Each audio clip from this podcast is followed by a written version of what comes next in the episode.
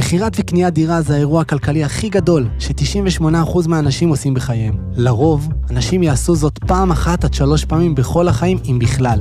מפחיד? בואו נקליל את זה.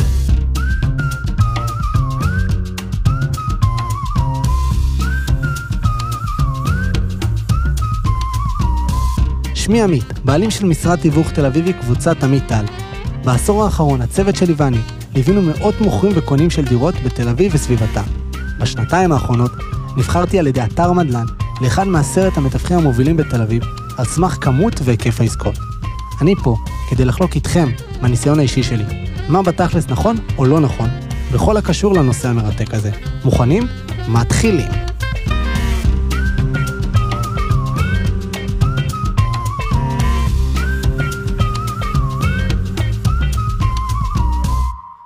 טוב, אז היום אני אדבר על שני טיפים קטנים, אבל מאוד גדולים, ברכישת דירה,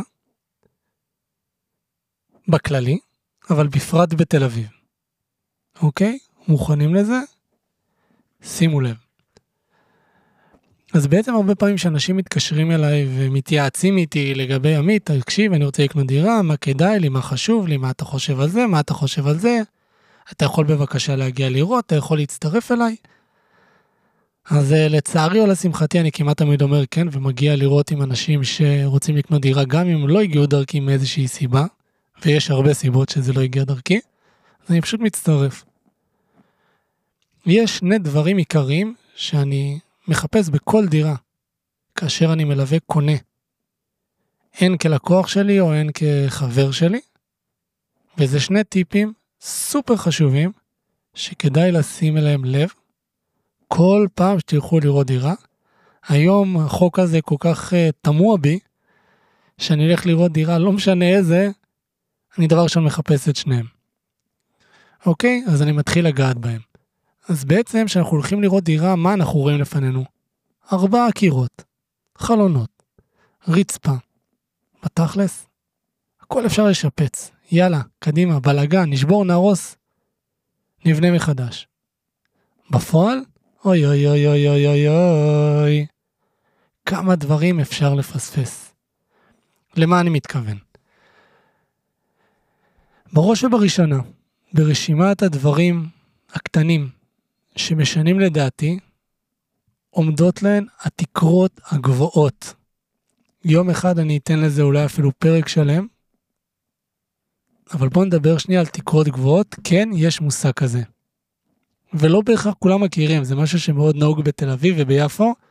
אני משער לעצמי שגם במקומות עם בתים עתיקים כמו ירושלים, חיפה, עכו, יהיו דברים בסגנון או בתים בסגנון, ואנחנו כמעט ולא רואים את זה בבנייה חדשה, אבל בואו שניה נדבר על זה. לעתים אנחנו נכנסים לדירה ולא מבינים למה התחושה בה כל כך נעימה. איך יכול להיות שזו דירת שלושה חדרים סך הכל, אבל בפועל זה מרגיש לנו כמו בית עצום. איך זה קורה? בפועל, התקרות הגבוהות נותנות עוד המון נפח לבית. כלומר, אם נהיה לשנייה ורק לשנייה חכמים במתמטיקה, לא לעצום עיניים, לא להיבהל, זה לא איזה נוסחה משוגעת, היא די פשוטה, וכן חשוב להבין אותה, ונפנה לנוסחה המדעית של תיבה סלש קובייה,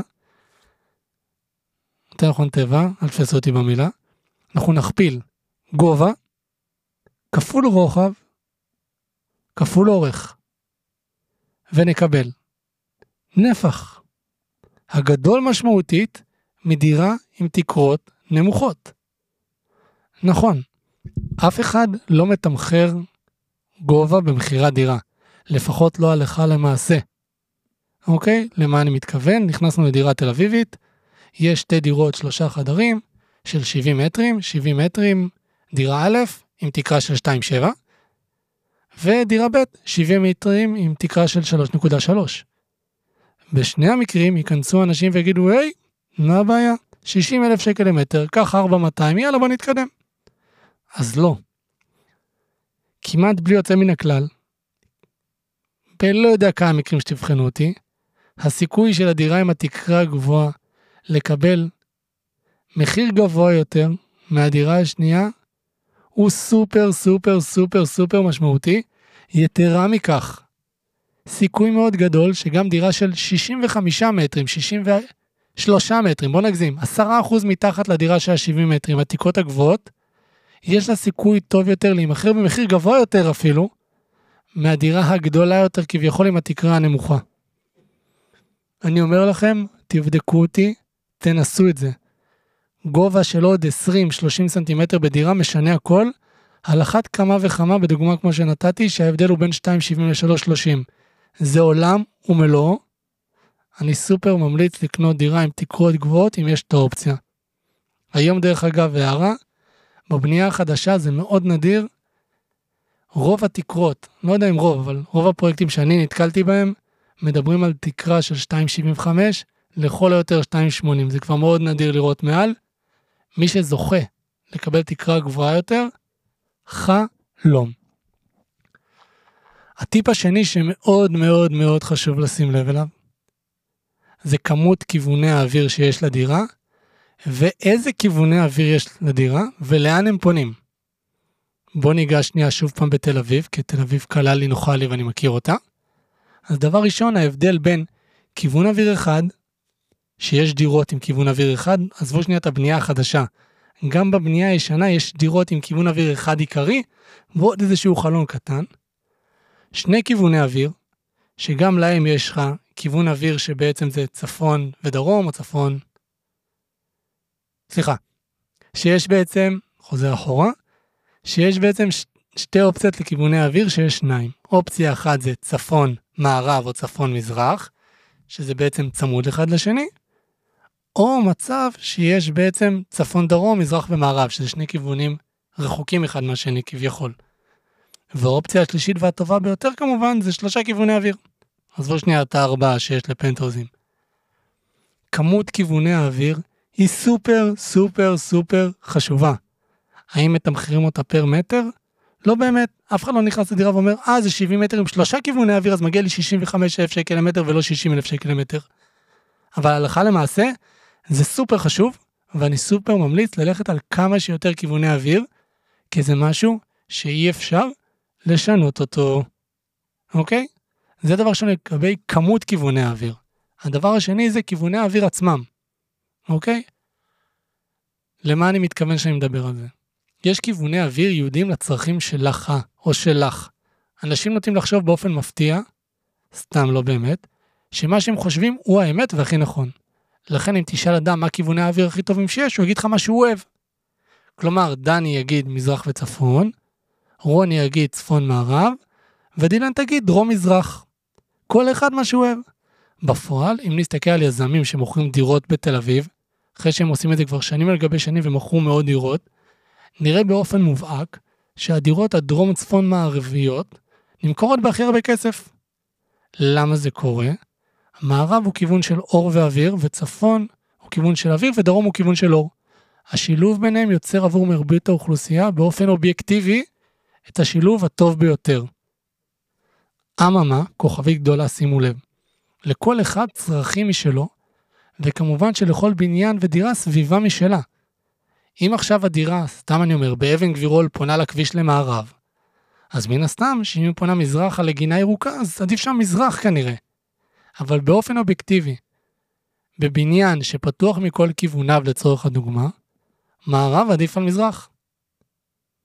אוקיי? שימו לב לצרכים האישיים שלכם. אם אתה אדם הסובל מקור, כמוני, לא נכון לך לקנות דירה צפון מערבית במקום פתוח. תפתח את החלון, יהיה לך קר. נכון לך לקנות דירה דרומית עם שמש, יהיה לך נעים. ולהפך, אם אתה אדם הסובל מחום, לא כדאי לך לקנות דירה דרום-מזרחית, במיוחד אם אתה נמצא בשעות היום בבית. כל היום יהיה לך שמש על הראש שלך, ואתה לא תהנה. ולכן עדיף לך דירה צפון-מערבית. שמש מגיעה אחר הצהריים, ואין לך שמש ישירה הביתה. זה דברים שנשמעים קטנים, אבל הם סופר סופר חשובים. אנשים לא חיים בתל אביב, לא מבינים את זה ולא יודעים את זה. ולכן כשאתם הולכים לקנות דירה, לפעמים הפרטים הקטנים הם הכי הכי חשובים והופכים עסקה לעסקה טובה. כל מה שצריך לדעת זה פשוט להבין עם מי אתה מתנהל ועם מי אתה הולך לראות את הדירה, וכמובן האם זה חשוב לך. אם זה חשוב לך, תעשה את זה. תדאג לזה שיהיה מישהו שילווה אותך. לסיכום, הדברים הקטנים לעיתים הדברים שמשנים את הכל והופכים להיות דברים גדולים. נסו להבין מי אתם לפני שאתם מכניסים את היד לכיס ומוצאים כמה מיליונים טובים. ומבחינתי, תקנו דירה עם ארבעה כיווני אוויר. תמיד. אבל בתכלס, כן, גם אם תקנו עם כיוון אוויר אחד למזרח, וזה טוב לכם, אני פה, הכל טוב. תרגישו חופשי לדבר איתי. טוב, אז הגענו לסוף. תודה רבה לבית אריאל על הזכות להקליט באולפן המדהים הזה.